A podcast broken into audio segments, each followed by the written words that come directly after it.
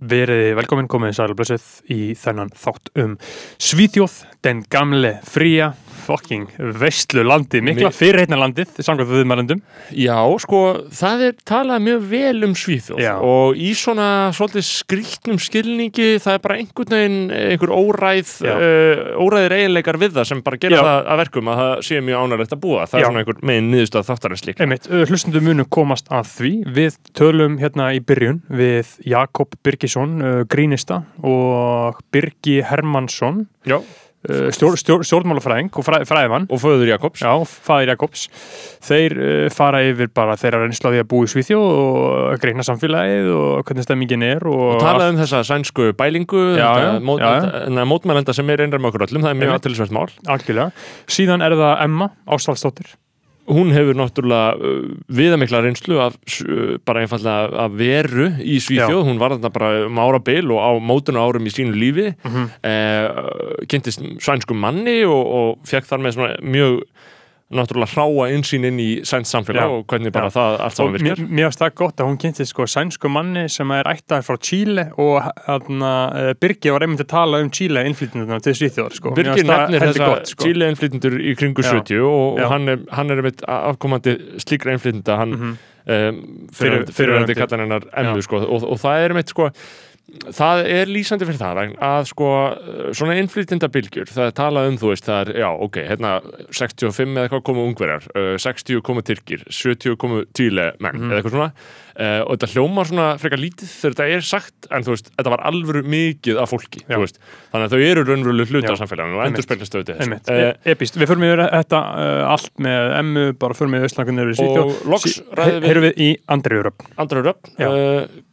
hún uh, hefur búið í Svíþjóð núna Já, og hefur alveg barn Í Svíþjóð Uh, að, að þeirna dóttir uh, þeirra, uh, Andriu Arnórs hún fættist í Svíþjóð og þau eru búin að, búin að vera með hana þar og Andri er búin að vera þar að vinna og starfa og stúsast og vesanast og hún er svolítið inn í tískuheiminum og blogheiminum og við förum svolítið yfir það hvernig, já, hvernig svíjar Já. eru frumkvölar í uh, allir þessi bloggdrullu og Já. þessi svona kaffibolli og svona síðurbólur og Já. eitthvað svona svona dót. Já, þessi, neo-skandi vibes sko, Já, svona gardína, svona, gard, svona gluggatjöld eða svona gardínu sem eru svona, þú veist, það kemur sól í gegnum þá og þú veist, skugginn sem það varpar á sængina en það tekur mynd af Mér líður eins og sko venjulegir svona uh, normkór áhrifaldri í dag og mistur rosalega mikið sjónar á þessu. Þetta er Nei, og mist sjónar á allri grundvalla faðfræði, Já, skilur, er Þetta er allt orðið eins, þetta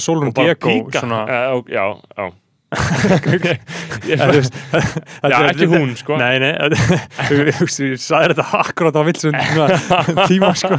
En hérna, mér líður þetta svona, að, svona fólki sem að uh, vera vesinshestir, sem var svolítið búin að missa sjónar á þessari fallegu og á sko. upprunanum, sko, hann var bara kongalegur Já, það var bara aðeinslegt, sko. Uh, við skulum ekki eigða frekari orðum í af því. Ég ætla bara að veikja aðtekla því að ef þú ert að lusta þetta inn á hlaðarsveitum þá er það líklega vegna að þú ert ekki með aðgang á Patreon. Það kostar 600 kall að fá aðgang á þessum þættu Ókeypis, Noreg, ókeypis, Danmerku. ókeypis, ókeypis. Uh, Þetta er basically ókipis, þetta er bókstala ókipis og þú færið aðgang á þessum þáttum og svona 30-40 enn þáttum af Allir- púra gasi. Allir geta Aron fundið Móla eitthvað sér- Maras, sér við hæfi, þetta er drullaður inn á dreik Patreon. Já, uh, við höfum ekki lengra uh, Takk fyrir að hlusta, fara hann á Patreon Fyrir hver að bakinn um að sé bróðir Fyrir hver að bakinn um að sé Uh, Passa ég, bara að tala í mækinu svona og, já, já, ég, ég er meira að byrja að taka upp sko. Uh, já. uh, Við erum komin að stað Við erum komin á stað uh, með uh, tvo mjög sterka viðmælendur uh, Jakob Birgisson uh, grínista uh, í fyrsta lagi og hins vegar Þú, þú hefur komið áður, Jakob já, Jú, ég, við þurfum ekkert um að hafa uppgjörstátt við, Já. við þann og hins vegar er það Birgir Hermansson, uh, faðir hans uh, sem er stjórnmálafræðingur uh, og uh, við erum auðvitað að ræða Svíþjóð í dag eru þið ekki spenntir að koma inn í hlaðarpið að ræða Svíþjóð, drengir? Jú, Já, Jú þetta er auðvitað bara mikill heiður og að- að vera valinn til þess já Mhm. en þeir, það er, það er ekkert óviðegandi að velja ykkur til þess að þannig þið byggu þarna um árabil, ekki satt? Jú, Jakob náttúrulega fættur í Svíþjóð. Já, ertu fættur í Svíþjóð? Ég er fættur í Uppsölum og sjúkra, háskóla sjúkrahúsinu þar það bara stendur mjög skýrt í mínum, uh, mínu vegabyrfi Já, þú gætir þess vegna verið svíi Uh, já, í raun og veru sko. Ertu með sænska ríkisborgararétt þá? eða? Nei, ég er ekkert með neitt svoleiðis en Nei, nei. heldur ég get ekki sótt um eitthvað svona tvískiptir, það er ekki alltaf að hleypa ykkur fólki þann inn og Ég, þú hefði geta geta það, ég þekki ekki reglurnar alveg. Nei, ekki að skipta einhverju málu að meðan við erum innan EES Nei, Nei, þetta er alltaf sama, er En- alltaf sama. einmitt. en ég, ég bjóð þarna í fjögur ár sko. við fluttum um uh, eftir fjögur ára sem sagt, þegar ég var fjögur ára en þau voru búin að vera hann í tvö ár undan þannig að þau voru samanlegt sex ár Og voru því í námi þarna? eða? Já, Já, bæði? já. Já, í, í hvaða háskóla? E, hún var í Uppsala háskóla og ég í Stokkons háskóla. Já, Ég Og- kom í Uppsala. Og af hverju uh, völduðu Svíþjóð þarna? Frekar en Danmörk eða Noregu eða, eða hvað sem það var? Í, það var nú kannski háskólanir, sko maður, því svolítið, háskólakerfið, Mhm. sem var nú, ég hafði verið í bandarækjanum í háskólanámi og það, það passaði betur við það. Já. og, og þeir þóttu góðir þá og þykja góðir nú eða hvernig, svona, hvernig er háskóla kerfið þarna? Er þetta ekki eitthvað sterk, sterk svona einhver akademisk hefð þarna í þessu landi? Jú, jú, þetta er náttúrulega gammalt stórveldi. Já Gamalt stórveldi, einmitt Já, þeir hugsaði nú svolítið um sig en þá hannig. Já, og þeir halda því síðan ennþá stórveldi, stórveldi eða hvað? Er svona dagamunur á svolítið. Já, En þú varst í doktorsna með hana hvað í Stokkólm eða ekki? Jú. einmitt, þetta þetta er mjög aðtilsvert og það er mjög gott að vera að koma með kunnáttumenn í fæinu. Við erum aðeins að reyna að komast að sannleikanum við Þetta Svíþjóð. var eins og prófessornars pappa, hann er svona svipaður eins og svolítið svipað ykkar fjölskyldu hér sko, nema bara sænska leiðin að sko, veist, ég held bara langa langa hann hafi verið prófessor og síðan gekk þetta bara þannig niður sko. Já, Það var, fjórða kynslu og prófessor af Uppsala háskóla. já, Já. það er heldur mikil vikt í því. Já, Já, en ekki mikil, mikla tilbreytingar kannski. E, þeir voru nú ekki prófessorar allir í, í, í sömu uh, greinánum. Nei, akkurat þeir flökkuðu svo mikið, þetta voru svona vilt, vilt, viltir mm Mhm. úlingar kannski þannig líka, en sko, einmitt, við erum að reyna að komast að sannleikanum Mhm. mm Svíþjóð. Þú segir stórveldi sem lítur ennþá á þessu stórveldi, þetta er náttúrulega sögulega séð mikið stórveldi í Evrópu, eða ekki? E, jú, þeirra stórveldistímið hann var bara langt síðan að vísu. Það var uh, uh, svona frá svona 1600 til 1750 kannski. Mm -hmm. Voru þeir uh, eitt helsta stórveldi í Európu. Og í hvaða skilningi? Hernaðalöfum bara og Í- viðskiptalöfum og...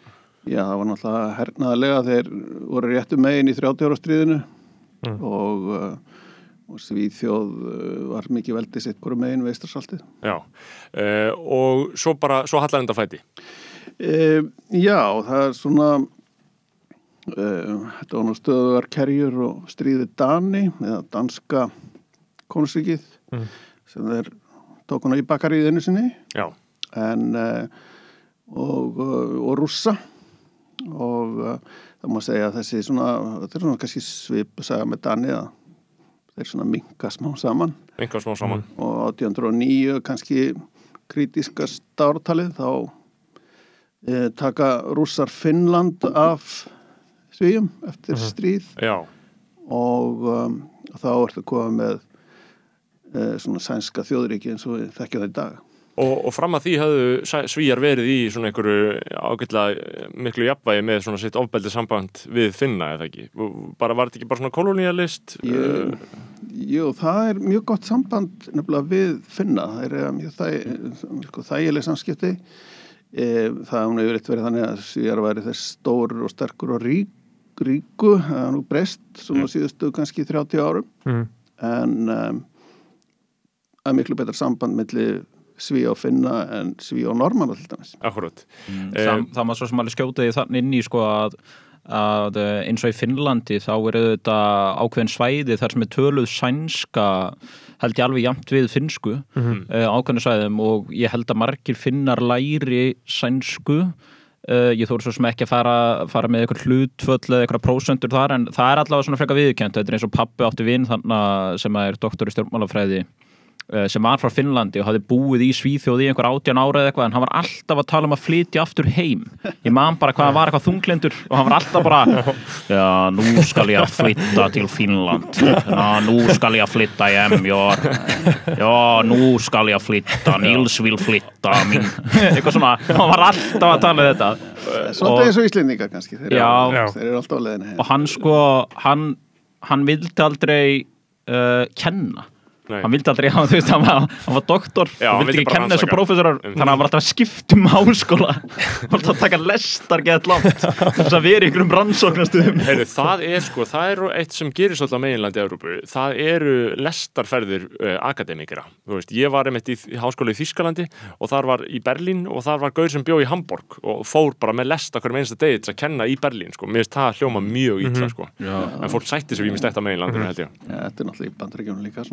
já. Um, Já, sko áður en við förum uh, yfir í nútíma langar maður að spyrja uh, út í þennan pík tíma þarna, hvað á 17. öld ég meina hva, hvernig beittu þeir sér þegar þeir voru stærsta stórvald Evropu voru þeir eitthvað í þrælahaldi eða voru þeir einhverjum nýlendu ógeð, þú veist hvað hvernig, hvernig, hvernig, hvernig operita þetta stórveldi Ég, já, ég mun kannski segja að þetta var svona þeir hafa verið fulltrúar uh, mótmælenda mm Mhm. það var náttúrulega síðaskiptin og, Mhm. og, og uppreist uh, mótmælenda gegn svona katholsku eldónum þá er hafa Mhm. nú um tíma verið í miklu bandalagi við frakka sem voru mm -hmm. alltaf katholst ríki og það má segja að, að um, mótmælenda trúin og það allt sem hann hafi mótað sig mjög mikið, kannski miklu meira en þeir vilja Ok. okay. ekki hennar sjálfur og, og, og, það sama gildur auðvitað um Norðurlöndin öll og Íslendika líka Mhm. og þeir tala ekki mikið um það og, Nei. að hvaða leiti mótar mótmannlega trú fólk Já, það er svona einstaklishyggja sem því fylgir svona uh, ákveðin ægi sem að um, gerir fólk tótti svona dult og bælt kannski eins og við erum, þetta við erum fjóri hérna, við erum fjóri afsprengi þessa, það þessa var bara hóðgerfingur þess var að tala sko. það var, en eða eh, svíjar eru mikið einstaklishyggja fólk það kannski hérna er þerstaðan svolítið þegar já, því að fólk hugst þá sem svona uh, þetta er svona megin, megin land velferðaríkisins í heiminum. Já, en minna og, og hvernig fyrir þetta saman, einstaklingshyggja og síðan þessi ímynd sem þeir hafa um þetta sterka velfrækjærfi, er það ekki mótstöðu við hvort annað? Nei, nei, það er nefnilega ekki ekki mótstöðu hvort annað því Að um, sænska velferðarkerfið byggist mjög mikið á einstaklingunum, ekki fjölskyldum. Mm. þetta snýst þú mikið um að fólk eigi að vera sjálfstætt. Já, Mhm. hjálpa fólki að vera sjálfstætt eða ekki vera háð fórundri sínum eða fjölskyldu sinni eða einhverjum öðrum. Um og um, og eigi að taka ábyrð á sjálfum sér og vera agað og, En og, það, og en, en það er svolítið aðteglisvægt að geta rakið sko þá hugmyndastefnu eða bara þá, þá svona þessa einstaklingshyggju ég meina því að hún er náttúrulega rosalega sterk líka í bandaríska menningu og líka þegar bandaríkjan móta sína stjórnarská og svo framvegis veist, e, e, þa- þannig að það var líka stert í Svíþjóð alltaf. Já, bandaríkin, náttúrulega þeir sem að byggðu bandaríkina voru mótmælita trúar Já. E, Við vorum að tala um sko stórveldi, þið bygguð þarna e, e, í kringu þá mæntalega 1998, þið hljóta að hafa flutt ánga 1996 og eru þarna þá til 2002 eða 3, e, eitthvað svo leiðis. 2002. Og þið segja að þessi falli stórveldi, eða svona einhver leiti, þetta er náttúrulega vissulega ennþá stórt land, fjölmennt, en ég meina menningin hana, bara svona, þú veist, hvað er, uh, við Íslendingar erum ekki falli stórveldi það, og þið þekki menningamunin á Íslandi og Svíþjóð, ég meina, hvað, hvernig myndu þið lýsa því? Er, er, uh, er þetta allt annað en Ísland? sko, ég er náttúrulega get aðalega sko tala út frá þessum ári sem ég var þarna þó ég hafi ná heimsótt landið nokkru sinnum sko um, það er nefnilega, já, hvað er þetta, 10 miljónir eitthvað svo leiðis Líklega, já. ég held að af tíu. fjölmennanda Norrlandið, er, finnar eru ekki fleiri en það Jú, jú. Nei, nei, þetta er Nei. lágfjöl, lágfjölmennst þú veist, Mhm. ymitt, normenn 5 miljónir eða eitthvað, þetta eru tvöfalt, tvöfalt fleiri Já. sem búa hana Já, og ég man til dæmis, við, við vorum í uppsölum í Flúgsta sem er svona mikið eh, þetta er bara háskóla hverfi svolítið, við byggum hann í einhverju blokk og flestir búum í einhverjum blokkum og svona og mjög næs uh, í minningunni ég man furðulega mikið frá þessum árum uh, alveg svona á skýran minningar ymsu, þú veist, hvar ég sat á gólfinu í leikskólanum og þú veist, bara alls konar samtöl og svona. Lærðu þér sænsku? Já, þannig ég var í raun og veru bara svona eins og tvítingt barn og síðan glata ég henni eiginlega megnu til þegar ég flytt heim en hef alltaf haft svona skilana frekar vel og núna undanfærið hef ég aðeins mér verið að leggja mig fram við það og, og ég er mikið að lesa SFT og svona ríkisfjölmiðlinn þeirra. Mhm. og það er líka mjög gott að horfa fréttir þar, fréttaklippur og þeir eru alltaf textaðar með sænsku og, líka. og, og hvernig blasir Svíþjóð við þér núna til bara þegar þú ert að skoða fjölmiðla meina, og, og svona er þetta hva, hvað finnst þér um þetta land? Dáist að því, upphefur það? Já, já, ég dáist alveg að því og upphef það. Um, þetta er náttúrulega það sem er svolítið gaman við fréttina þannig að það eru miklu Evrópumiðaðri uh, finnst mér allavega meðan við hér sko, það er meira að fjalla um alls konar mál veist, uh, sem er að gera bara eitthvað veist, bara þetta er að gerast í Portugal þá er fjalla um það, miklu frekar en hér um, en síðan er þetta auðvitað, uh, líka það er einhverju svona hægri nazís að hérna, ríða sér til rúm sem að pappi getur kannski talað betur um en, en ég man allavega að drífa bann þarna og var á leikskóla og svona, þetta var mjög fjölmenningalegt sko. ég Já. var á leikskóla með uh, alls konar uh, fólki frá alls konar löndum sko, og, og öllum húðlitum og allt þetta sko. Veist, það var ekkert, maður var ekkert að pæli veist, það var lappar hann á leikskóla hér og það er einhver hérna, sem er dökkur á hörund þá sker hann sig yfirleitt úr sko. Það var ekki þannig þar ég man alveg eftir því að, að Hvenær Eh, verður það? Ég eins og, ég veit ekki hvort aðna, hver tímasetningin nákvæmlega er á því að, að þessi mikla bylgja af uh, já, einhverju tilökum bara flótamönnum en bara einfallega bara innflytjendum kemur til landsins Birgir. Já, sko, svíjar svona svipað og aðra Norrlanda þjóður voru mjög einsleit þjóð um, og það fyrir að breyta svona eftir strísárun svona frá 50 til svona 72-3 er gríðilegur uppgangur í efnagslífi í Svíþjóð eins og í Európa allri og þá byrjaður að flytja inn vinnuafl. Svona svipað og kannski í Ískalandi þar sem Já, að þetta er svipað, ná í hérna, bjóða uh, Tyrkjum uh, og, uh, og fleiri þjóðum að koma Mhm. uh, sænst stjórnvöld átnuðu bara skrifstofu í það Já, í Norður Afríku og Tyrklandi og líka í gamli Júgoslavi buðu fólki að koma og vinna Mhm. og á þeim tíma líka voru ítalir sem voru að koma. Þannig að uh, það er ekkit nýtt að fólk sé að koma til uh, til Svíþjóðar eins og Þískalands og fleiri ekki til þess að- vinna. Þannig að það byrjaði þá.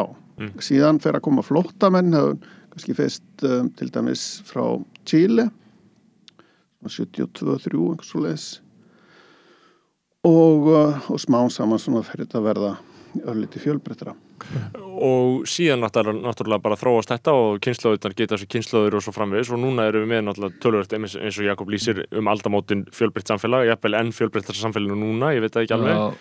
Uh, Sér er náttúrulega líka með menninguna þannig að þetta er náttúrulega það sem er náttúrulega munur eins og mikið af Evrópu og Íslandi er að þú veist, bara árið 1600 var lið bara í einhverjum geggjum húsum hana, sko. þú veist, það er aristokrasja þarna, þú veist, Já. það eru aristokratar í Svíþjóð. einmitt. Þó það sé kannski ekki eitthvað mjög rík hefð fyrir því kannski eins og í Bretlandi eða eitthvað, þetta er ekki alveg þannig. Nei, ég meina eins og við þekkjum mann, sko, mammans var aristokrata ættum og, og þá er hann ekki aristokrati í raun og veru Nei. þeim skilningu til að mammans var það, sko, en ekki pappans. Já, og þetta er einhver svona einhverja jarðir þarna og einhver hús og eitthvað lið, sko.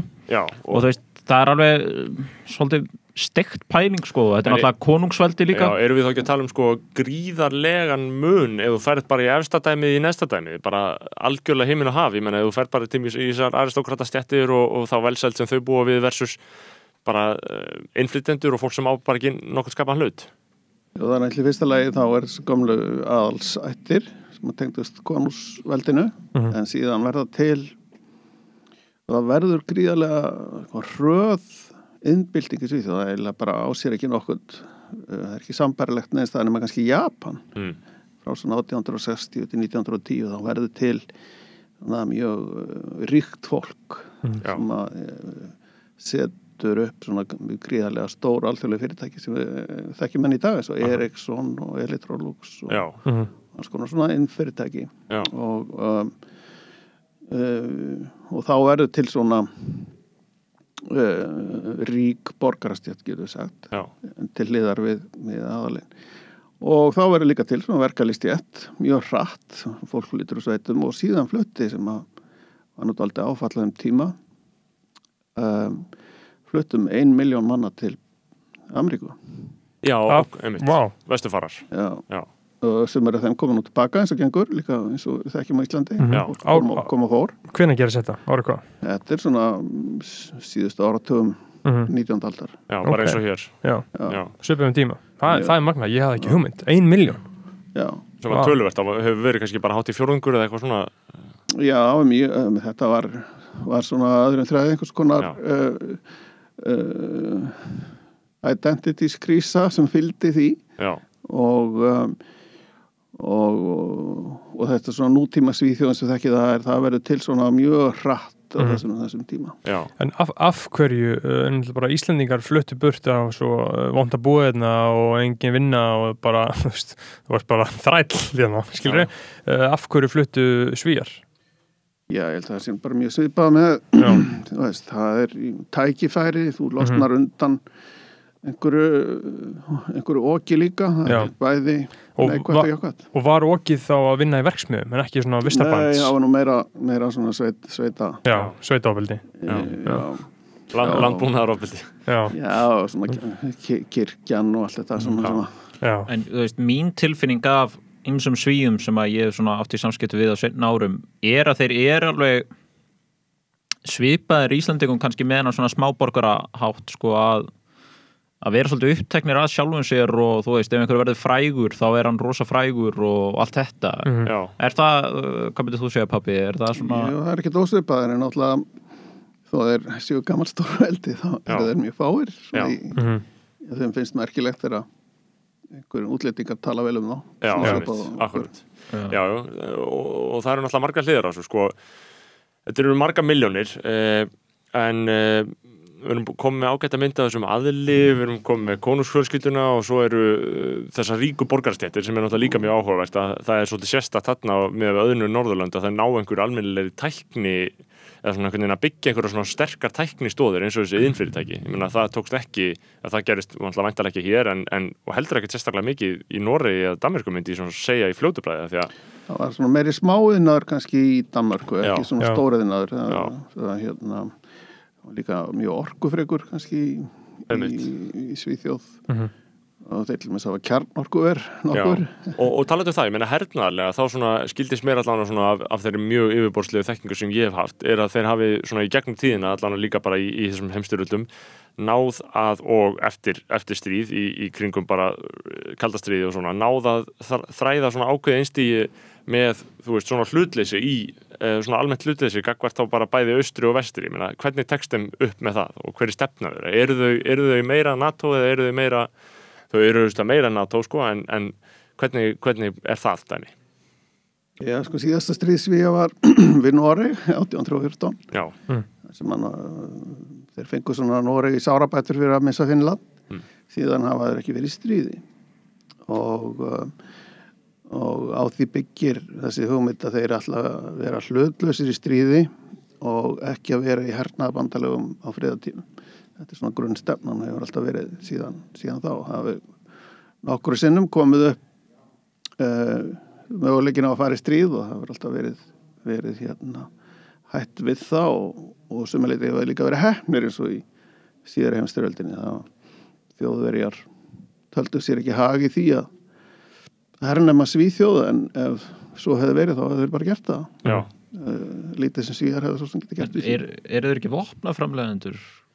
e, Jú, það er náttúrulega fylgir þessu svona hlutleysis hugmynd að, að þeir þurfa að vera svona sjálfbærir með vopn meira að segja, meira að segja hérna þróa sínur eigin herþótur sem Ok. að já. er þeir eru mjög miklir mjög já. dýrt að gera Já, já, og eiginlega bara hálgalið sko, en, en hérna, þeir gerðu það líka já, og selja þetta, ég meina, selja þeir ekki vopn eða, Jú, jú, já, en, en, en í setni heimstyröldinni var, voru svíjar ekki rosalega meðverkir með nazistunum eða?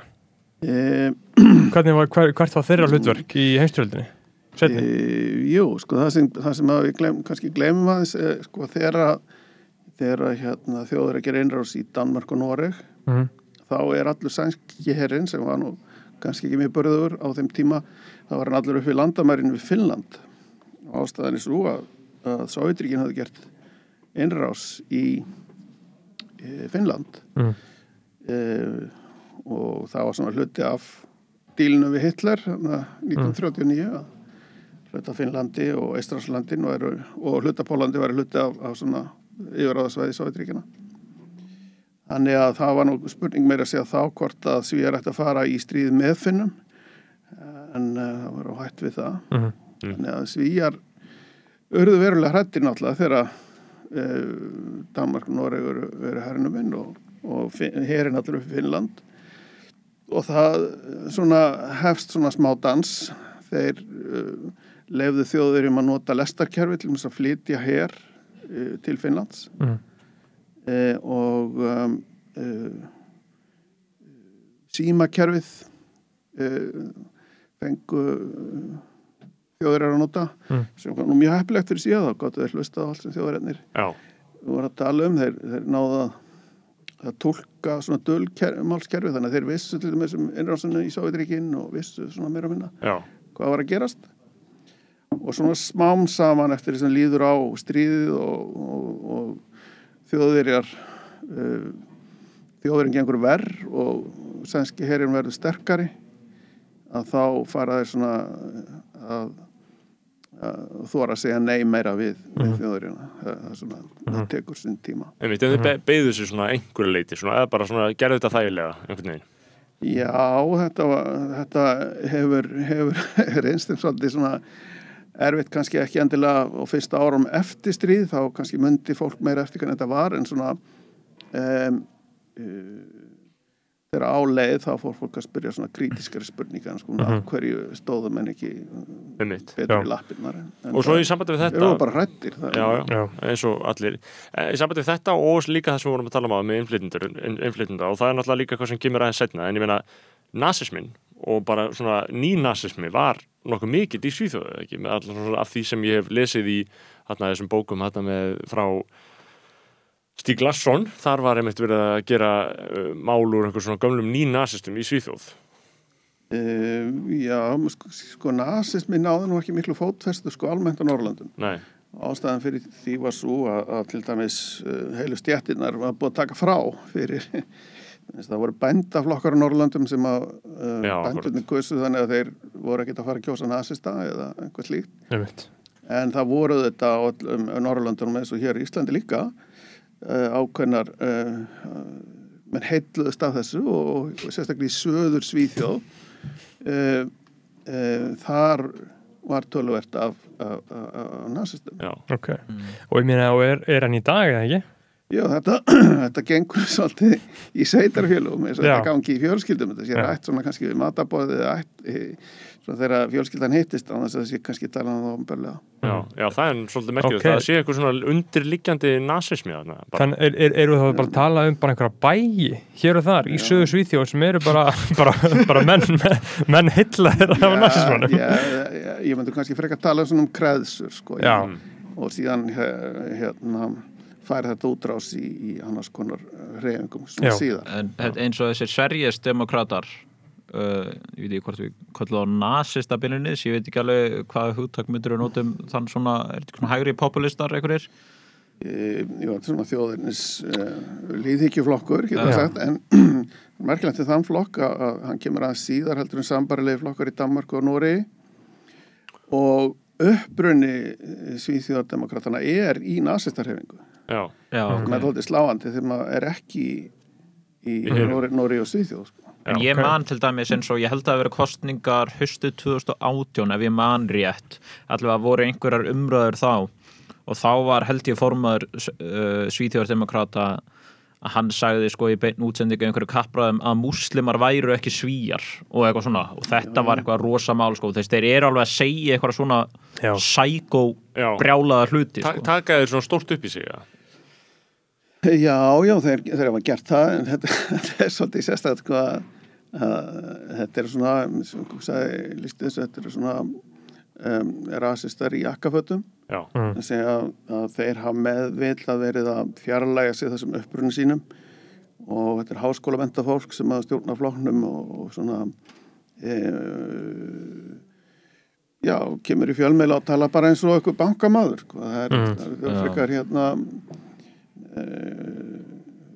svona e, yfir bræðið er kannski ekki þessi ímynd sem fólk hefur að nasistum sem eru þá svona einhvern veginn masserandum og, og æpandi. Nei, þetta er svo- hugmyndin cirka svo sama ræ- Já, kannski ekki alveg, þetta er svona, hérna, þetta er svona verið að reyna að, að, að, að, að gera flokkin húsum hæfan. já, já, Já, Nei, þetta er eins og ég var að ræða við konu sem að vinnur hana verkalýsreifingarna þannig Svíþjóð í síðustu sumar hún var að tala með mitt bara svona und, mjög venjulegt fólk bara einhverju gæjar í rafláren peysum og eitthvað Já. sem væri bara með einhverja Sveriges demokrata nælur í sér og allt sko og, og veist, þannig að þetta er ekkert eitthvað svona það sem að maður ímyndið sér endilega og hætt, haldið þið að, haldið að þegar til í, í Þískalandi, það sem ég, ég þekki betur til það sem að AFD er svona svipaði flokkur þar er uh, náttúrulega gríðarlega svona distansering sem á sér stað frá bara svona venjulegu venjulegu borgarlegu fólki eins og okkur og þau segja alveg nei, þú veist, það er bara ef einhver er með eitthvað svona nælu þá kemur það bara inn, í- ekki inn í eitthvað partí skilur, er það sama að sér stað þannig í Svíþjóða? Uh, já, já, það var þannig, ég held að það sé kannski að breytast sko. Já. Eftir því sem menn verða svona meira mainstream þá, þá hérna, Er, er það það er meira húsum hafið En ég meina allir Já. flokkar eru útlokuð á en síðan voru nú einhverjar umræður núna um daginn eða ekki um að þeir myndi stiðja einhverja minnihlutastjórn eða hvernig var það? Já, það var, þetta er nú, uh, af því að það eru svona blokkir í Svíþjóð, uh, svo er í Danmarku og það eru svona uh, vinstri og hægri blokk og, og menn er ekkert mikið fyrir það kannski að vera að vinna yfir blokkar línutnar. Mhm.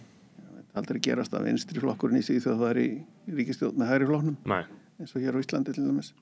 En um, uh, Svíþjóðardemokrátanir eiðilegja þetta allt saman sko. það Já. næst ekki að mynda almeinlega ríkistjóðnir vinstra eða hægra meina því að þeir eru búin að taka það mikið fylgi Bara hræðilegt að vera einhver frjálslindur hægri maður og þurfa alltaf að vera einhverju blokk með einhverjum nasistum sko. nasistum sko uh, og einmitt sko að þegar, að þegar þú varst að ræða sko, þú veist, hérna á Íslandi þá erum við einhvern veginn með bara það skrítið og flokkakerfi okkar er í það miklu uppnámi að það gerast svona ófyrirsjónlega hlutir uh, og, en hefur ekki alltaf verið mjög mikil festa samanborðið við til dæmis Ísland í svona þessum sæns, sænsku vinstri blokk hafa þeir verið í stjórn almennt eða? Já, þeir hafa nú meira að minna stjórnalandinu alveg Já. frá 1932-3 og jafnvel fyrr og, og sósildemokrater voru í ríkistjón frá 1932 til eh, 1970 og um, og þrjú eða mann rétt eða sex Samfellt. Samfellt, mm, ok, já. já. En þetta hafa verið sko, sósjaldemokratar, síðan er einhver vinstri flokkur annar, það er einhver græningjaflokkur líka Já, sko, gamle kommunistinnar heita nú vinstri þeir hafa nú eh, aldrei fengið að vera í ríkistjón Nei, Nei. En það eru oft minnihlutastjórnir sko, sem Þeir- að njóta já. stuðnings einhvers Já, þeim hefur verið stilt yfir vegg og sagt að stiga stjórnina Já, uh, en þarna uh, Ólaf Palmi, hvenar, hvenar, hvenar er hann drepinn? 70 og, Nei, það er 80 og hvað er 80 eitthvað? Já, Og hvað, hvað, hvað, 86 86, já. Nei, eitthvað svoleiðis. Ég man ekki alveg ártala á því Það að var 86. einhver- já, 86, En- einmitt og ég meina, hva- hvað, þýðir uh, hvað þýðir hann í Svíþjóð? Hvað þýðir þetta morð? Og hver, Já. hver, hver var hann? Já, Persson Ólaf Palme Já, Já, hann er svolítið merkilegur það er nú hérna hann hann er e, það var náttúrulega e, leiðtói mhm, formaður jafnaðamanna og fórstisráð þeirra mhm. En hann kemur úr svona borgarlegum mættum mamma svo nú aðalskona frá Eisturlandslandunum og pappans var, var fórstjóri í tryggingafélagi. Já, kannski ef við útskjörum örstuðt fyrir hlustundum þá var Ólaf Palme sem sagt já fórsæðisræður í Svíþjóð og hann var skotinn þegar hann var að leiðin úr bíó með konu sinni og var Já. ekki með öryggisörðum hann hafði neita því og hann var sett drepin og morðingin hefur raun og var aldrei almennilega fundist og margir komið til greina. Þú við búin að klíni sá einhvern veginn núna sko. Já. en hvað, pappans var tryggingasali. Já, hann, hann kemur, hann álst upp sko Karl Bildt sem er kannski margir Um, hann, þeir ólst upp nú upp í sama húsi í, á Östermann í Stokkólm sem er sem að borgarastjættin býr.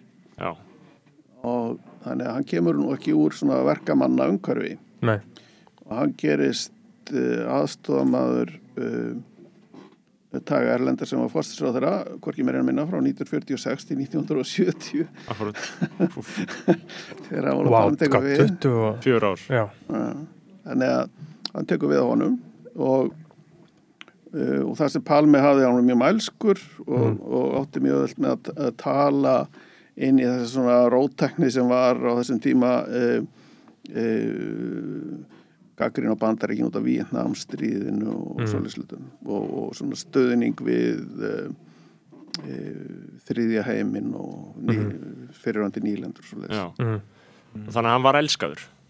Og hataður. Já, bæði vegna þess að hann var í svona einhvers konar stjættasveikari já, borgarstjættin hataði hann mjög, það var mjög illa að talaði mann og, og svo alls konar svona e, út af náttúrulega kalda stríðinu að hann væri hérna einhvers konar e, vinur rússa sem hann var ekki. Hann var mjög svona mikill haugur í kalda stríðinu það sem hann að segja á hann var, hann já, svona harður andstæðingur Sovjetríkjana Það en, er en, en, en samt ekki bandaríkjamaður, eða þú veist? Já, hann var nú mikill vinur bandarækjamanna fyrir að byrjaði, hann, hann lærði nú í bandarækjanum eitt ár og hann var nú fasta gestur í bandarækja sendiráðinu mjög Mhm. lengi. Það er ekki fyrir Vietnamstríðið kemur sem að það breytist. En hvenar kom, kemst þessi frjálsökjupæling hana inn, í, inn til Svíþjóðar? Þeir fara enga veða mentakerfið og allt þetta rugl. Já, það er nú ekki fyrir einn svona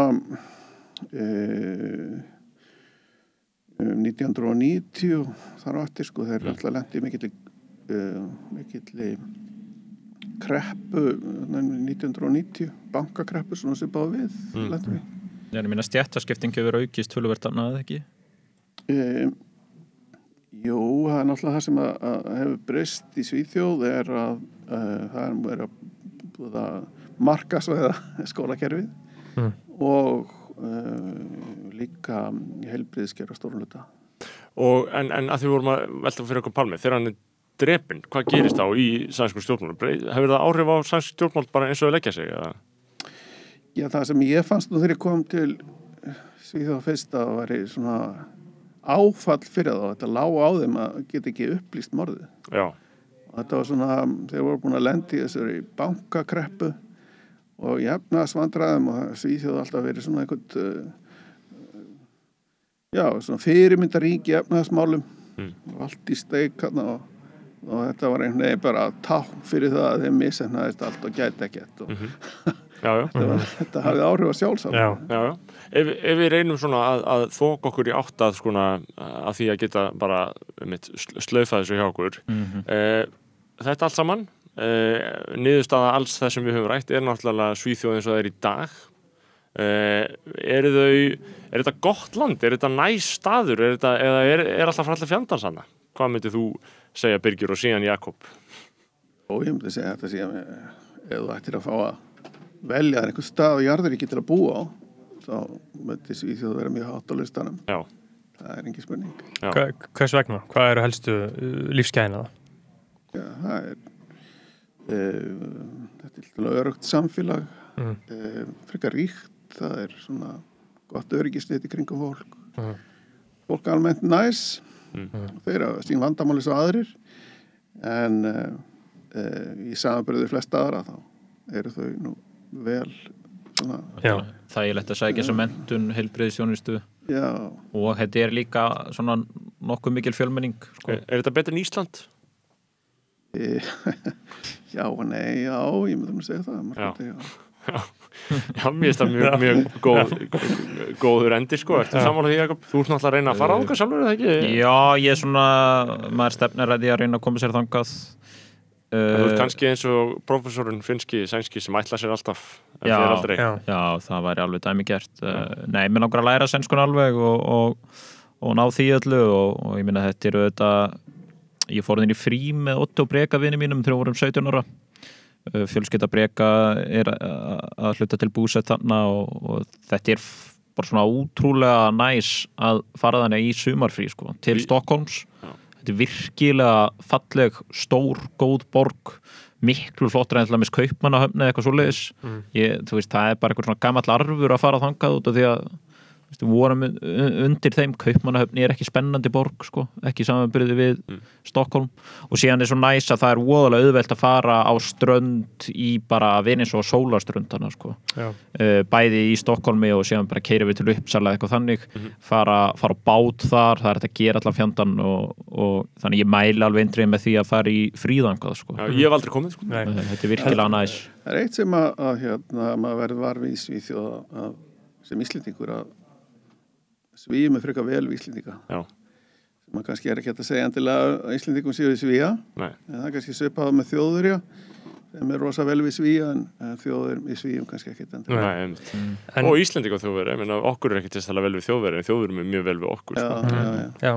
En þarna, svona að, að lokum uh, borgirnar, þetta er náttúrulega 10 miljónir uh, við erum að tala um Malmö, Gautaborg Stokkólm, Malmö er náttúrulega bara sem í Danmörk eða ekki þú veist, það er bara þarna rétt við hliðin á kaupmannöfninu Það er þessi lest sem fer þannig á milli og brúin Já, uh, ég meina hver er, hver er menningamunduna uh, á þessum borgum? Maður hefur heyrt að Malmö sé rosalega mikil útlendinga eða svona það er rosalega mikil innflytjandum þar og það sé svona ekki jafn snoppa og fínt og Stokkólmur Slatan Íbrahímovið sólst upp þannig í Malmö Einmitt. Svona- Og er það raunverulegt sem þið segja um þessi, það er alltaf, það er alltaf útvarp saga er alltaf að tala um hverfin í Svíþjóð, alltaf þessi innflytjunda hverfi, eru þau, eru þau svakalega eða, eða þekkið þið það? Já, þeir hafa náttúrulega átt í ákveðnum vandamálum við svona gengi, Mm. lefa gengi á síðustu árum, það er ekkert að horfa fram hjá því, en kannski lýsingan í útarpi sögum, maður ætti nú að hafa hvernig fyrir var á því, en, en, en vandamál, maður, vandamálin hverfi ekkert við því að neyta því síðan til staðar. Einmitt. Já. Sjöfum þá. Takk hjá fyrir komuna feðgar Já. og mjög ánægilegt að, að fá ykkur inn í ráðinni til skoðanabræði. Ég held að þið, ég, mér finnst þið hafa varpað verulega mm, skýru ljósi á þetta ágæta ríki. Já, ég vona að þetta hafi bara verið nokkuð skýrt og, og mæli með að allavega kikja heimsókn okkar Já, og hvað hva er það helsta sænska sem þið mæli með? Hvort sem það sé matur eða menningarefni eða Bækur. Já, eða- hvað ætti að, að, ætti að mæla með einhverju svona? Sænsku, skella sér íkja. Já. Já. Já, það er náttúrulega, og tungumálið er helviti skemmtilegt og er raun og verið auðvelt að læra vegna þess að framburinn er svo þægilegur og líka þetta er eins og ég var að horfa Exit þættina núna það er alltaf mjög áhugavert að gægin sem leikar hana Adam Væle sem er svona ógeðslegi síkopatinn, hann er alltaf bara sænskur, Já. bara leika á norsku Ok. mjög góða Og leikari það er ekkert mál.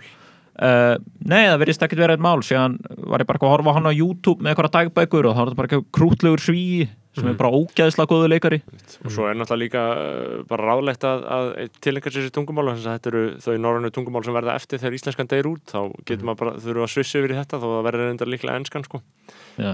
því miður. Takk fyrir komin að drengir. Guð bless ykkur. Takk. Uh, sko, við erum núna höfum við rætt við uh, Birgi og Jakob Já. og við erum að fara yfir í uh, næsta sérfræðing okkar um málefni Svíþjóðar uh, sem að var að segja okkur frá því að hún hafi farið fimm sinnum á ABBA-safnið Mm. mm. í Svíþjóð, í Stokkólmi. Velkomin Emma.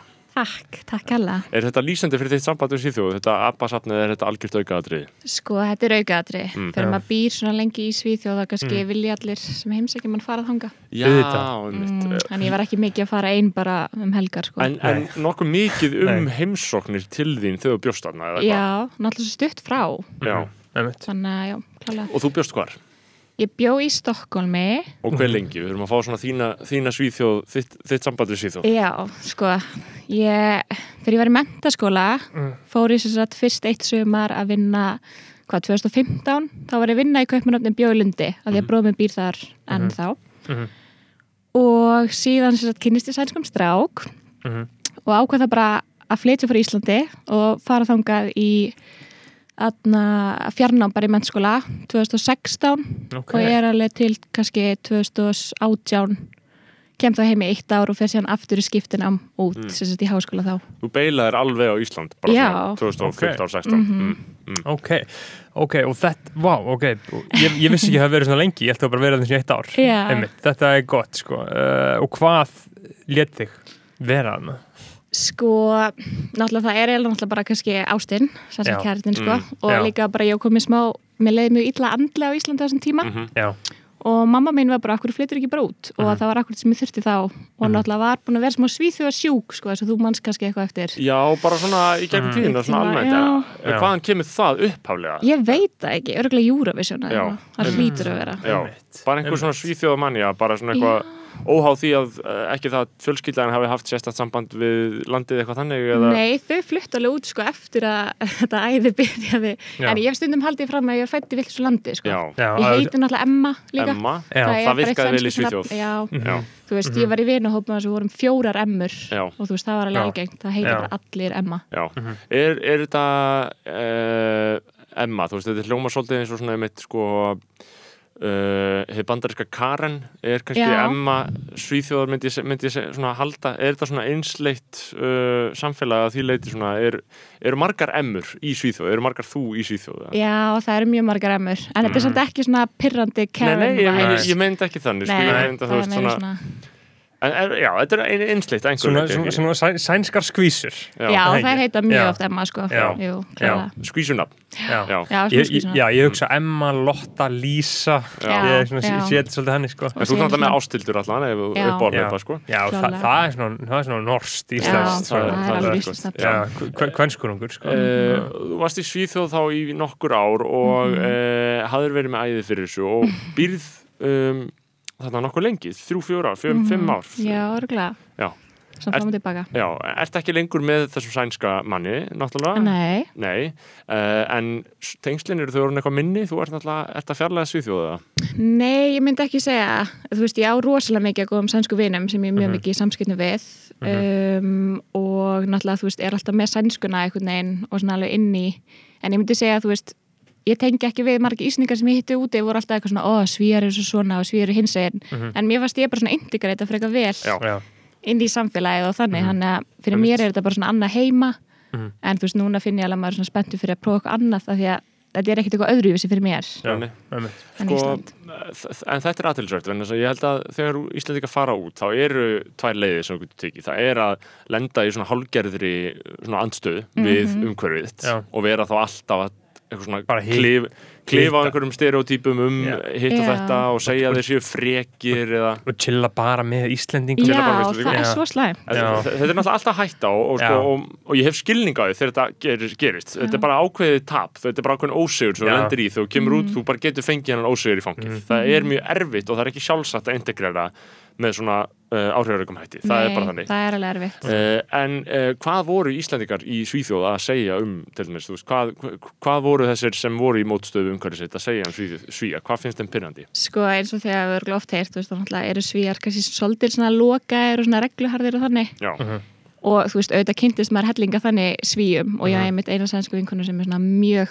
þannig, þú veist, það er bara svona þú veist, þau fylgja bara svo vel reglum er ekkert Mhm. mikið að prófa eitthvað nýtt eða þannig og þú veist, ég hef verið skömmu að konu í strætisvagni af því að sólinn skein, þú veist, á skjáum minn sem skein sínu augun hennar Mhm. og hún var bara, tók mig á teppið já, ekki Og- lægi. Vá. Nei, bara ekki Já. lægi, bara þú veist, þú átt ekki nota síma þinn þannig að sólinn skína mig Já.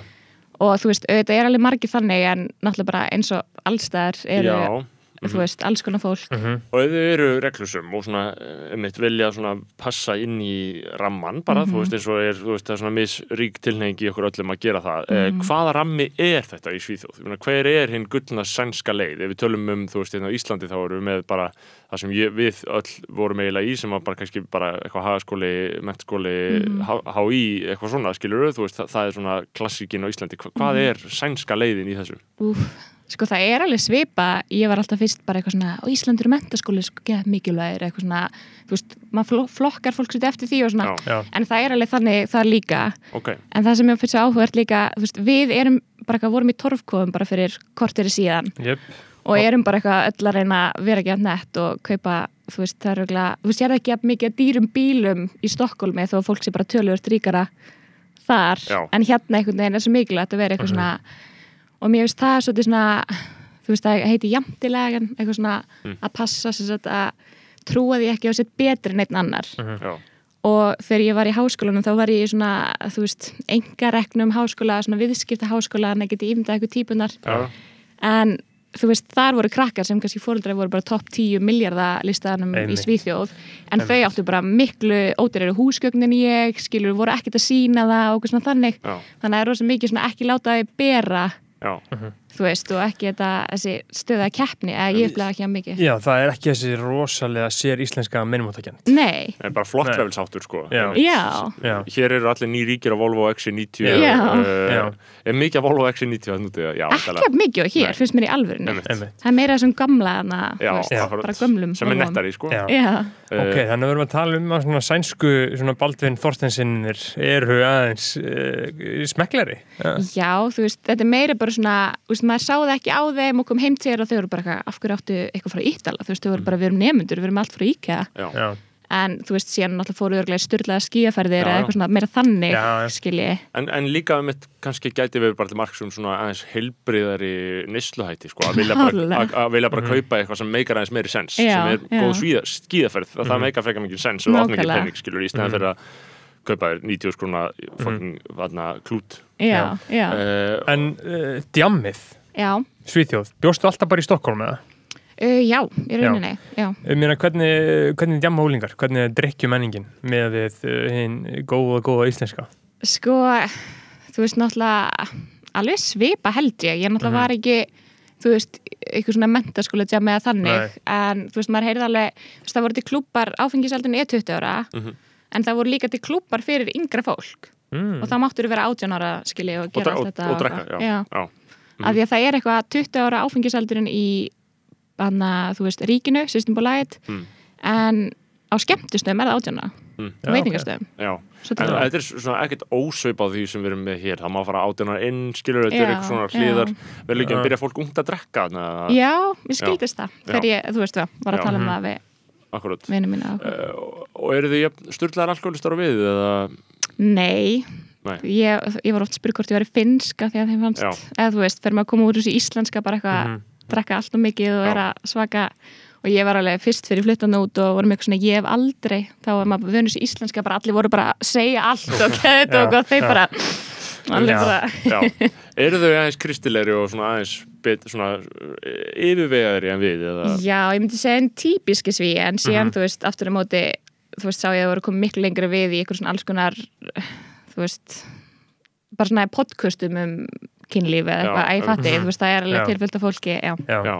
já, þannig að þau, þau, þau geta verið sex positive. Mm. já, já, Já, það tekur sér tíma svona að komast þangað með þeim, Já, veist, einmitt. þannig- akkurat, akkurat. Þannig að það er, já, einmitt, svona tebrur en almennt ekki. já, já, Já, mjög aðtilsvert um, og að því vorum að tala með hennar ramma líka og vorum að tala um sko hvað fólk vil gera. Ég meina, þú veist, það, er svona, það eru aðeins öðruvísi áherslur hérna og við Íslandikar það er náttúrulega eitthvað alveg svolítið sérstakt við þessa svona Uh, hvað getur sagt? Bara svona auð, þessar auðdýrkun og Já. svona upphafningu á dýru setti já ég, ég held að það hafi verið Jakob Birgisson sem var í náðan sem að sagði einmitt að íslensku mínimalismi væri reynsrófur og rauðvinskjallari. já, ángríns þú veist, það er eitthvað munur sem við erum búin að draga hérna fram sem ég er gladur og höfum dreigð fram. En, en, en með, einmitt, þú veist, markmiðin hvað vill uh, manneskja sem er bara 15 ára og er að fara í mentaskóla eða eitthvað, þú veist, hvað vill hinn vennileg svíi gera, er það bara eins og við, er það svona klassiska klísjan um þú veist, viðskiptafræði eða lögfræði eða eitthvað svona? Eða er, er fólk með eitthvað aðra drauma?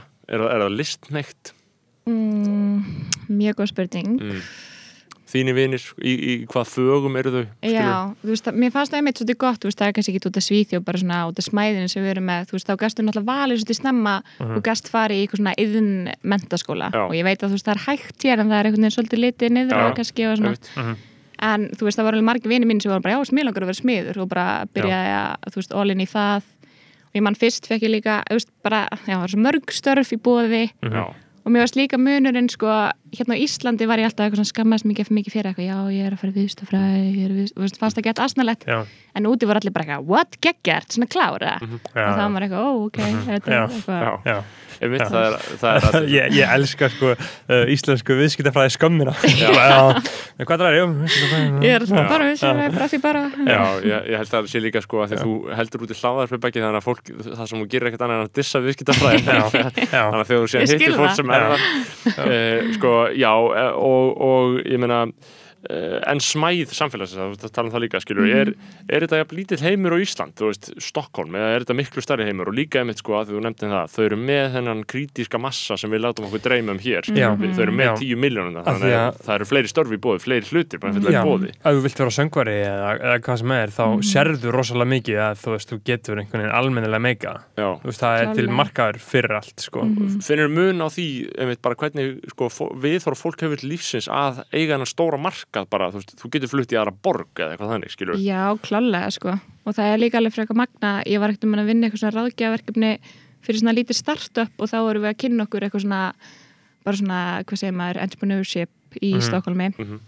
og það er svo magna með þetta samfélag þú veist, þó að sé svona hái skattar og svona mikið velferðarsamfélag þá samt eru þau eitthvað Stokkólum nummið tvö eftir Silicon Valley las ég einhverstaðar í eitthvað svona nýsköpun. Já. þannig að þú veist, fólk er ókslega mikið að tappina okkur færi, svona tækifæri og allir sem ég hitti voru miklu meiri nýsköpna gýrnum þú Já. veist, eða svona, væri til að stopna eitthvað og maður er bara, "Ah, það er alltaf einhver sem mun kaupi það einhver, Já. einhver markúpur einhver staðar. Já, Já, og maður hérna þarf þetta kannski smá að vera fyrir alla til þess að já. Já, og, og þú veist, lí- líka bara tækifærin pæli hvað ég geggja, ég geti bara eru byrðin í Stokkólm, bara eru ég ætla að flytja til Gautaborgar og Rýbranda já, Skilur. já, þú veist, ef einhver myndi bara að flytja til. Egilstaða, Mhm. það bara ok, er ekki alltaf leið með þig skilur, bara lenda í ykkur áfalli. Hvað, hvað er hann að flýja, skilur klálega, það er geggja að geta flutt til nýra borgar og bara byrja lífið upp á nýtt sko. En, en það hljóma líka sko, eins og eitthvað sem er frábröð í Íslandi sko, að uh, andrúrslóftið sé einhvern veginn svolítið svona hliðholt nýsköpun og hliðholt sko, einhverjum skonar bara nýri hugsun og stofnun fyrirtæki og svona því að hér á Íslandi gengur þetta mörguleiti út á að þú veist fara inn í háskólan og, og koma sér fyrir í réttu klíkunum og síðan bara þú veist á grundvelli þess komast í einhverja stöður sem eru í raun og veru marklausar og þýða ekkert heldur eru bara næst stöður og fá laun þar, þú veist, það er hið íslenska mótel að mörgu leiti, Klárlega, það er bara þú veist, vinduð upp, myndaðu tengslanett Já. en hann er kannski vonandi meira eitthvað um að veist, búa til eitthvað nýtt, eitthvað sem skiptir klárlega. umverulega máli. Mhm, klálega. Uh, Aðeinsvægt mál, ok. Já, og, og, ég meina, og það, það, það sést, veist, Spotify, það er science, þú veist, Já, það er alls konar eitthvað svona tækni, Tidal er science líka, Skype og já, veist, það er fullt af já, allt, allt, allt þetta shit, en uh, við tölum á honum ABBA og, og poppið, ég meina, uh, Svíþjóð er, ég held að sé næst stærsta uh, þjóð í poptónlist á eftir bandaríkinum í heiminum, Mhm. hvernig, ég meina, á hvað hlustar fólk hana? Sko, það er ógeðslega mikið pop, alveg Já, mjög mikið já, pop, já. náttúrulega. En síðan líka finnst mér allavega, þú veist, ég elska sænska rappið og svona R&B, eitthvað svona Já, en síðan, þú veist, eldri kynsluðan er mjög mikið ef það er rapp, þá er það, na, hvað heitir hann, Timbuktu, já, Mm. Timbuktu, þú veist, já, þannig að þú ert alveg með alla flóruna, en mest kannski svona Já. pop, rapp, já, Loop Troop voru mjög vinsalega í Íslandi, sko, já, mm, ég elskaði þá, sko, Eh. og allir svona íslenskir rapparar elskaði Loop Troop, sko, þeir á kominga 20 sunnum eða eitthvað. og, og uh, vill fólk vera tónlistamennina því hérna vill alltaf annarkur maður vera rappari. Sko, allavega enginn sem ég hitti, en Nei. þú veist, það er svo ógislega, þú veist, allavega í Stokkólmi, þá er rosa svona hverfaskipt. Og stundum var ég svona veltaði fyrir mér svona er fólk meiri sinni búblu hér eða á Íslandi, skiljið, veist að þú getur Já. algjörlega bara verið í þínu nýsi einhvern veginn. Já, og þú veist, þú ert með Sötu Malm sem er svona ótrúlega mikið listafólki og vinkonum mín bjór þar alltaf og var í listanámi og þú veist, hún var með miklu meira svona þú veist, allt verið þessi típur en ég kannski sem viðskiptafræði háskóla, skiljið þannig að þú veist, alveg slatti já, og fullt af flottum listaháskólum og Uh, og, og þessi, Þannig. hver, þessi hverfarskipting til bara í Stokkólmi og væntalega öllum öðrum borgum annað en uh, að því ég var að reyna að spyrja Birgi hérna út í að þessi, þú veist, að það er alltaf verið að tala um þessi slæmu uh, sko, já, innan geðsalapa innflytenda hverfi, þessi stóru. Fórst þú þangað inn eða hvað, hvað heitir þetta, hvað heitir aftur? Rósing, já. Ringiby í Stokkólmi, og síðan Rósingúrd í Malmö Já. sem Mhm. er hann allra myndast að alltaf verið að segja eitthvað lauruglan þóri ekki eitthvað inn og eitthvað, en það er vist bara eitthvað mýta já, er það ekki ég trúi því. ég, ég ég, fór ég mynda mér þetta sé svolítið uppblásið Já. eða ekki, Jú, Já. og ég líka, ég er með smá svona pet peeve fyrir fólki sem á Íslandi er alltaf eitthvað svona, ó, hvernig var ástandi og var þetta ekki bara hrikalegt og Já. svona að því að þú veist, allavega flesti svíjar sem ég tala við, þeim finnst þú veist, al vandamáli kannski vera bara að liggja á svíþjóð og vera ekki hjálpað með að integrera Mhm. vel inn í samfélagið, þú veist ef þú fyrir svenska fyrir innvandrar sem er svona sænsku kúrs fyrir alla sem flytja það ertu náttúrulega bara með innflytjendum. Þannig að þetta er ekkert að hjálpa þér Einmitt, skilji, þú veist, já, þú veist, þú ert ekkert að tengjast svíjum eða komast Nei. inn í samfélagið eða eitthvað. En já, ég fór einu sinni í hana Rúsingord í Malmö því ég var bara svo forvitin, maður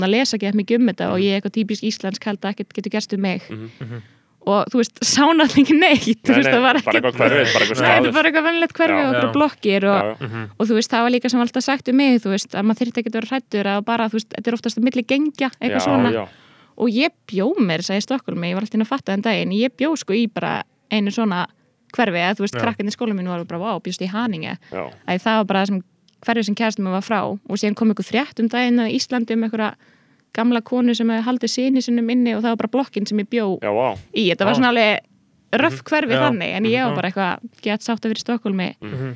þannig að, þú veist, já Akkurat, uh, en, en sko svona þið daglega líf inn í þessu hverfi og, og, og það sem þú bjóst óháð hverfinu, mér er alveg saman það en, en þarna uh, sænskar fjölskyldur þú náttúrulega kynntist því einhverju leiti bara sem, sem þarna maki einhvers sem er, veist, meina hve- hvernig, teg, hvernig tegja þær arma sína um uh, Svíþór, hvernig er þessar sænsku fjölskyldur? Er það, hvernig er svona sænst fjölskyldulíf? Mm, mér finnst miklu betur sem jafnvægi á milli, þú veist, atvinnu og fjölskyldulífs. Já. Þú veist, þau eru bara miklu, miklu framar en við í því. og bara meira heima og bara meira til Já, og bara ok. miklu lengur frí, þú veist, það er eins og vetarfrí hjá okkur, þá er bara, þú veist, heil viku af þeim sem heitir sportlof og það er bara allir vinnustæðir og allt, þú veist, það fer bara allt í frí. Já. Þau eru svona miklu betri í þessu og þú veist, já, þannig ég myndi segja og hinn venjulega sænska fjölskylda þú veist, það er aðeins meira tipla á tánum. Ég finn svona, Já. ég er náttúrulega verið í minni fyrstu bara að sé bara að tala um pólitík og fólk með ólíka skoðanir og eitthvað svona þannig en þú veist, það er allt svona frekari búið skemmt, eða skilji, það er ekki Eh, djúpt þar í f- hlutina. Fólk er svolítið bælt, eða ekki? Jú, Já. alveg smá Já, Já, einmitt, Já. það sést náttúrulega, uh, þú veist, frægasti uh, sænski kveikmyndareikstjóra Ingmar Bergman, alla myndina hans er um þetta, Mm. bara Mhm. bælda svíja, sænska bælingin sko. já, sem, sem að geta ekki talað saman, sko. Mhm. Mm.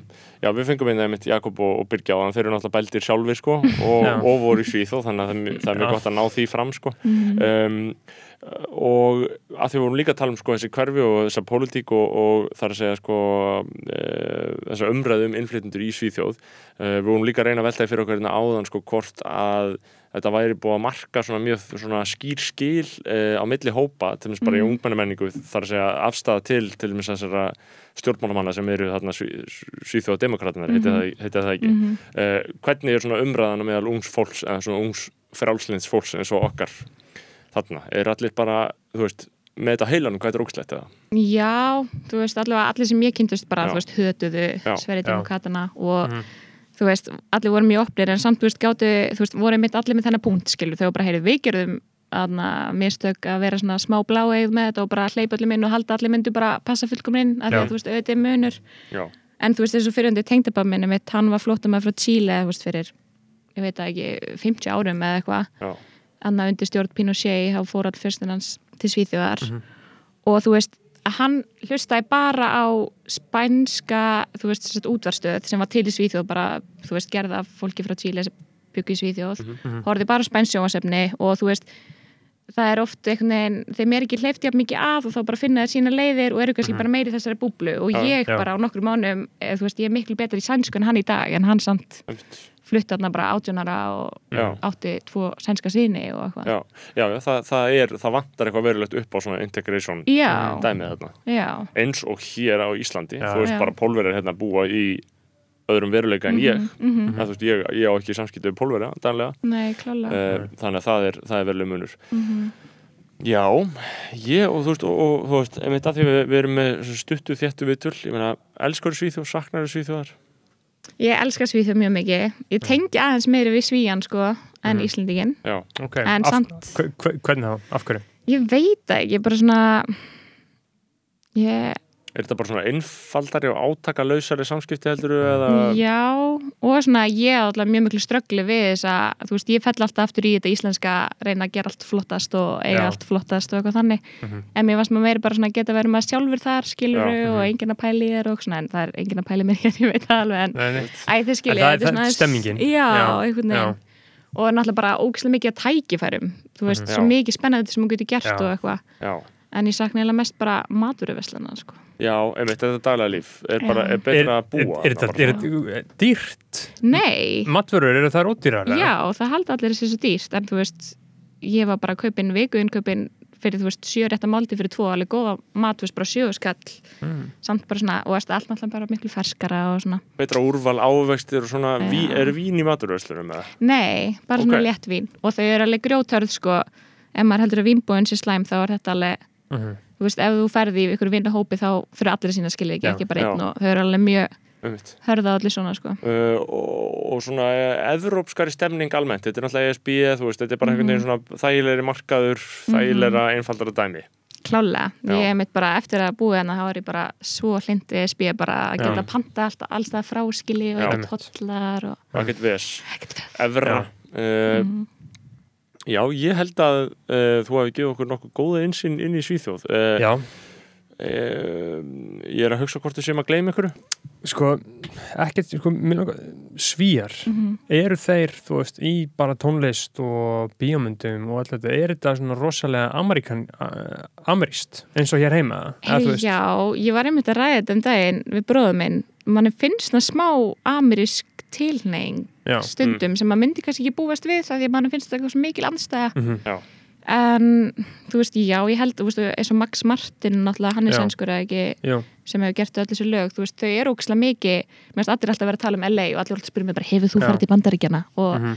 þú veist, ótrúlega mikið hort þangað.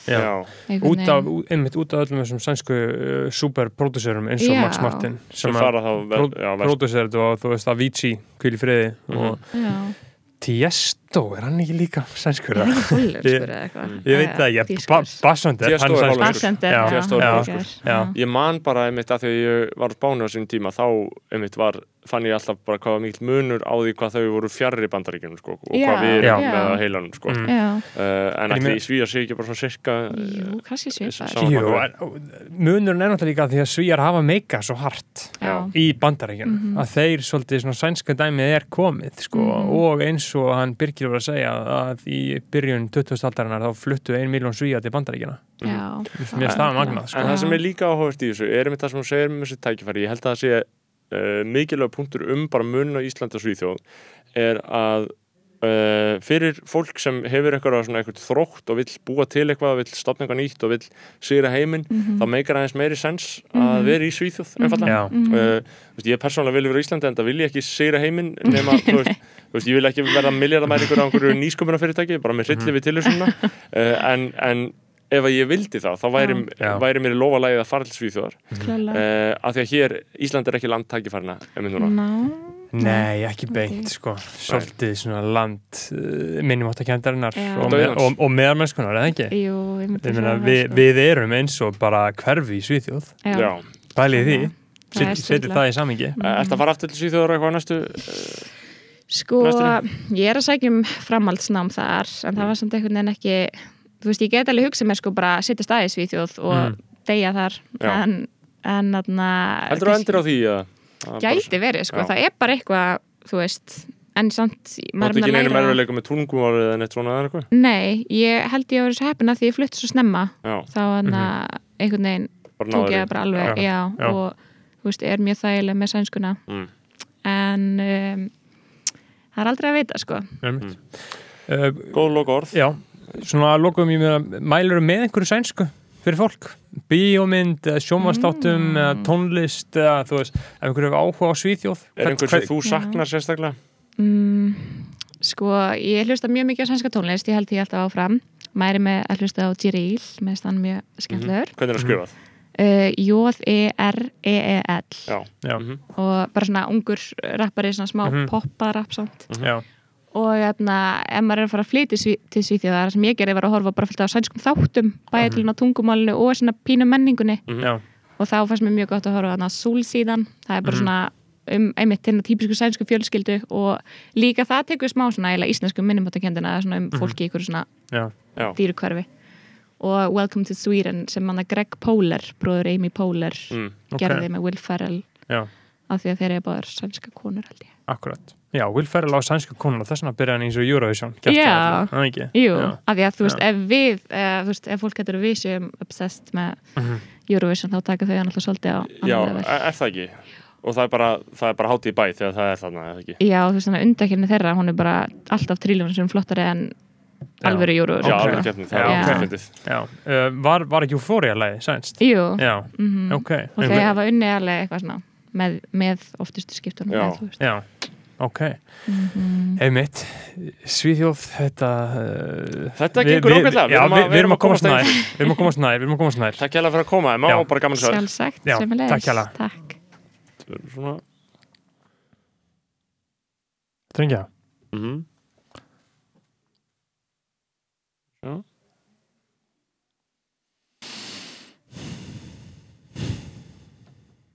Halló? Heyrið mér. Já, við heyrum bara mjög þér.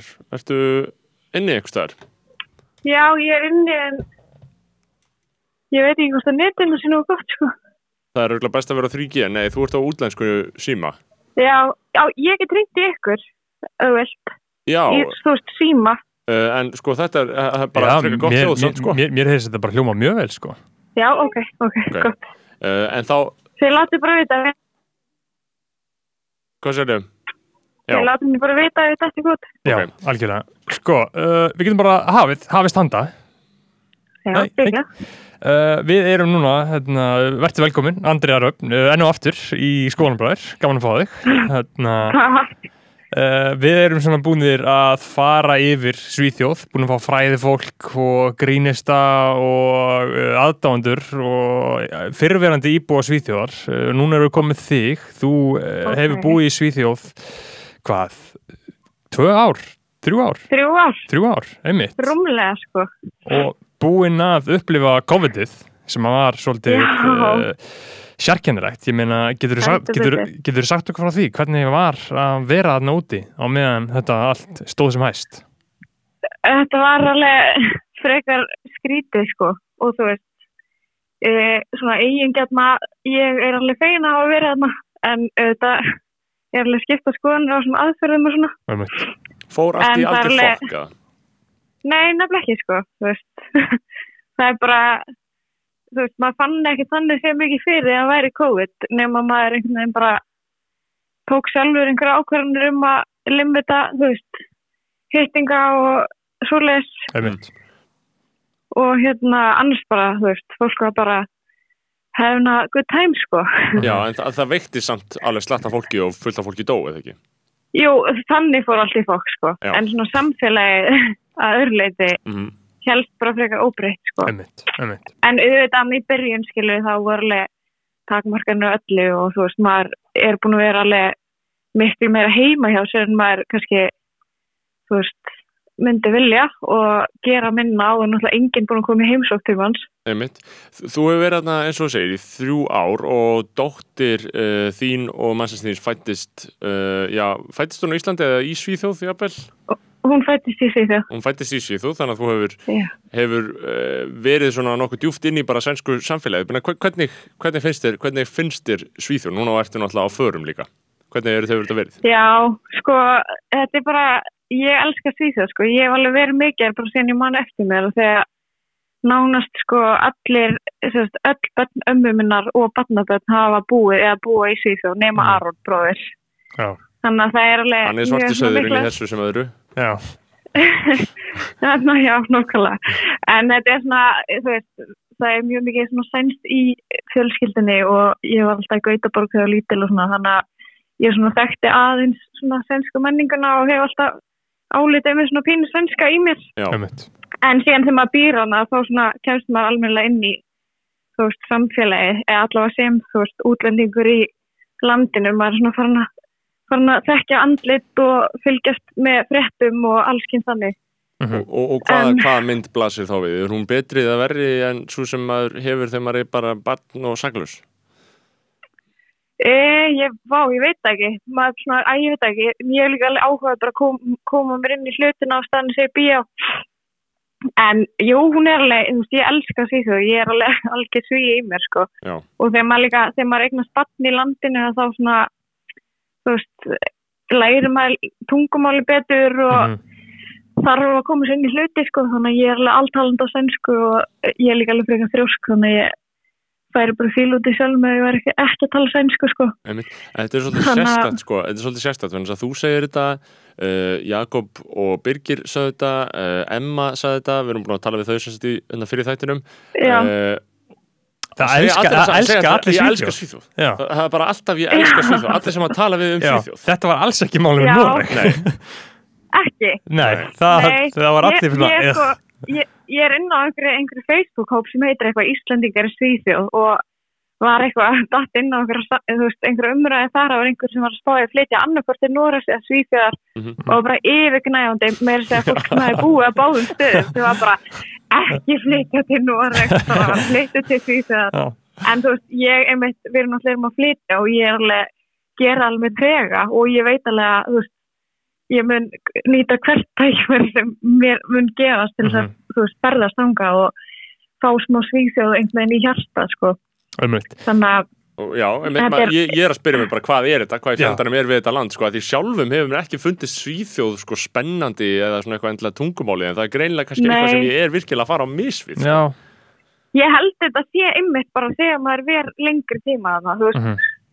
Eins og ég, þú veist, allavega ég myndi alltaf til þess að velja Svíþjóð frá með Danmarku og kannski er eitthvað algjör veistla að fara til köpinn yfir, þú veist, langa helgi eða eitthvað og þannig fær fólk þannig ímynd af Danmarku, skilur Mhm.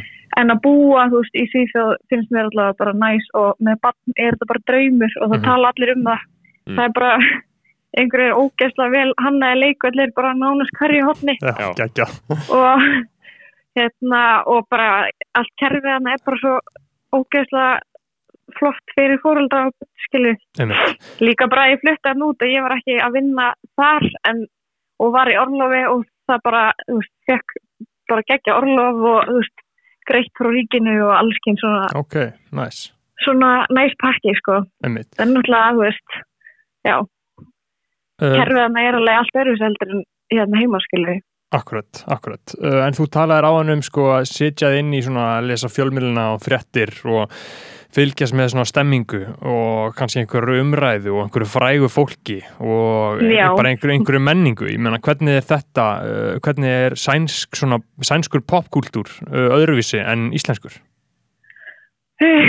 Já, þú veist, það er náttúrulega bara risa stjörnur þarna, þú veist, Já. það er náttúrulega mjög fjölmenn, þetta er fjölmenn þjóð og stærstu stjörnunar eru bara, þú veist, það eru alveg bara mjög frægar, skilju. Já. einmitt Já, bara svona uh, er Hollywood svona frægar einhver- Já, þar, skilju, þetta Mhm. er ekkert einhver svona Instagram fræg, þú veist, þetta er, þetta er bara, það er, þú veist, einn frægasta pínan er, þú veist, 94 mótel, kemur á gett ríku fólki, er sko búin að dæma í hérna, þú veist, talent, talangitra, þú veist, svona, eins og Amerikas sko talent, Mhm. eh, hún er búin að dæma þar bara alveg lengi og þú veist, hún er tveimur yngri en ég og hún er bara, ég veit ekki, með, þú miljón fylgjendur á Instagram og Já, það er alveg, þessi kúltur er alveg stóran á Já. fyrsta áhrifaldunir, mér vil ég meina að við komum þaðan, allavega svona fyrstu bloggararnir sem, sem að byrjuðu í svona blogg með business, þú Mhm. veist, ég allavega mann eftir þeim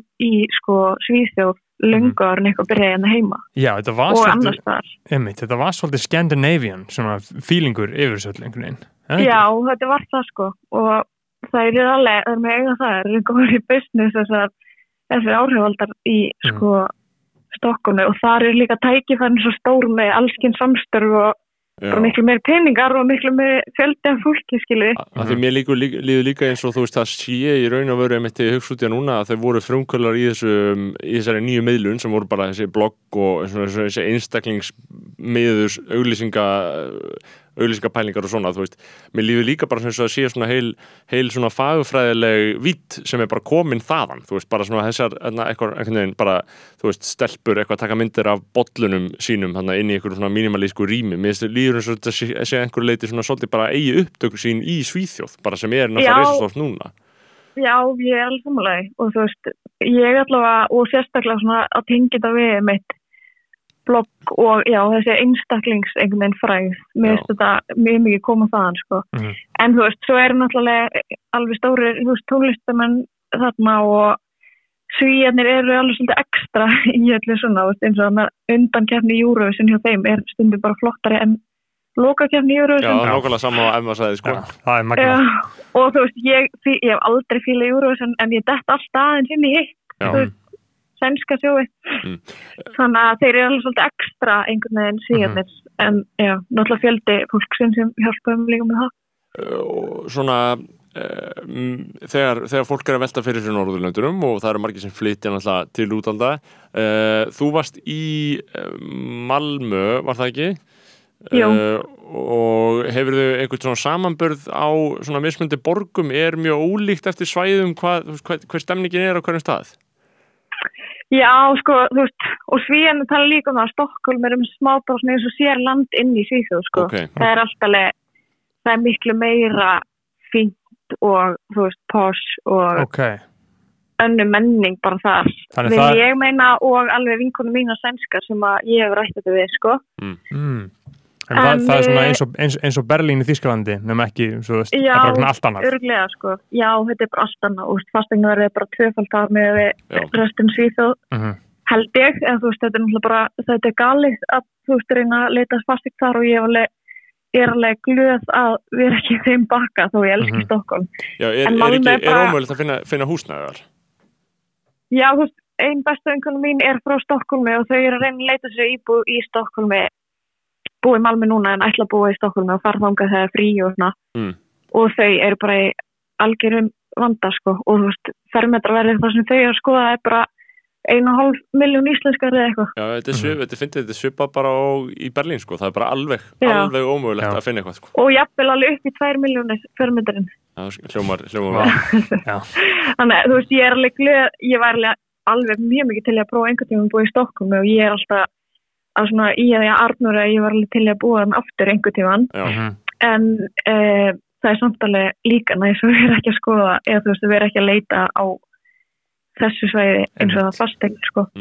Ég veit, nú, nú ert á leiðin í burt, það er, þú ert að kvæðja Svíþjóð uh, og ert kannski búin að því og bara eru þið komið með allt rastli heim og nú ert á leið til bandaríkjana. Já, við erum að fara í bara alltaf annan pakka núna en ég álega, ég sko talandi um að vera orðin svensk og hafa taugar til, þú veist, Malmö að þá, hérna, á ég eftir að fara út og að þegar stelpa mér fara aðeins að fyrir leikskólan og meðan að ég ætla bara að pakka íbúin í róleitum all dóttunum hver Já. bara svona og taka mig tími að hverja af því að ég, alveg, ég ger alveg með trega sko. Um Mhm. en hérna e, og bara máli er bara eins og í þessu fótboltadæmi að þá fær Arnur bara Silvi fati einhverja 30 gauðra sem að hann bara velur sér úr hvernig hann fílar og hangi með Já, en ég er alveg, þú veist, ég er komið með svo gott network en ég er búin að vinna mér inn fyrir hverjum einasta vinnu minn manna, já, þú veist, ég er alveg búin að leggja vinnu í þetta, þannig Já. að það er kannski, það er með miklu meiri trega sem ég kveð heldur en hann. já, já. Já, þú ert að fara í vinnun upp á nýtt í Boston, eða ekki? jú, jú, Boston. En, En þannig já, verkstætt. ég á eftir að fara, nei, nei, gumgóður og þú veist, ég ger það með trega en ég er líka bara mjög þakklátt fyrir hennar tíma og Mhm. Boston er bara líka eina af mínum uppáhaldsborgum Einmitt. þannig að ég hef ekki geta, hefði ekki geta valið með betri stað en það sko. Nákvæmlega, nákvæmlega. Uh, sko, bara að lokum, ég meina, hvað, uh, ef að fólk fyrir Svíþjóð, hvað er það Já. svona, uh, ég meina, mælur með einhverjum bíómyndum, eða sjónvastáttum, eða tónlist, eða, Eða bloggurum. já, eða, eða, eða, eða einhverju, þú veist, sem að, sem að fólk gæti svona komist Hvað- í snertingu við þjóðarsálina í gegnum. Hvað er svona sænst sem þú fíla mest? Uh, sko, ég og Aþena um lag hérna okkar, það er með svenskri stelpu sem heitir, eða kalla sig Miss Lee, Miss L.I. Mhm. og heitir Komplicerat og er alveg mjög skemmtlegt og þú veist, það er svona skemmtileg sænska í því, þú veist, það sem mér finnst næs við sænsku er að fyrir utan á skáni að sem við búum í Suðu Svíþjóð, þá er sænskan alveg svona þægilega að hlusta á, en það tók Mhm. mig alveg tíma að vennjast sko Suður, eða skánska heitir það, Já. sem er í Suðu Svíþjóð, hún er alveg vel, þú veist, ljót að margra mati, en mann man fer að þykja, þykja vænt mann hefur maður Mhm. búin að heyra svona mikið en já, það, það lag og vá, þegar þið setjum mér svona on the spot þá Það er er svona, erfitt. það allt úr en það er einhver rappari, einhverju rappari þarna sem heitir, heitir eitthvað Hof 1 eða eitthvað, Mm. Þeir eru alveg þeir eru alveg góður og svo Viktor Lexell líka, hann er með um, hann er mjög vinsall núna, það er lag með honum með sem heitir Svag, SVFAG Já, og bara all platan hans hann er útrúlega flott, ég held að hann sé bara 97 eða 8 mótel ok. og svo náttúrulega Sara Larsson, hún er alltaf bara risastór, þannig að Mhm. hún er eiginlega svolítið svona Hollywood hérna á þeim stalli Hún er okkar kona. Alveg huge. en, og Anders en svo er náttúrulega já, okkar maður mann er farið að þykja, þykja vænt um hann líka Já, Mm. eftir, það eftir er sóttvarnalæknirinn fyrir hlustendur.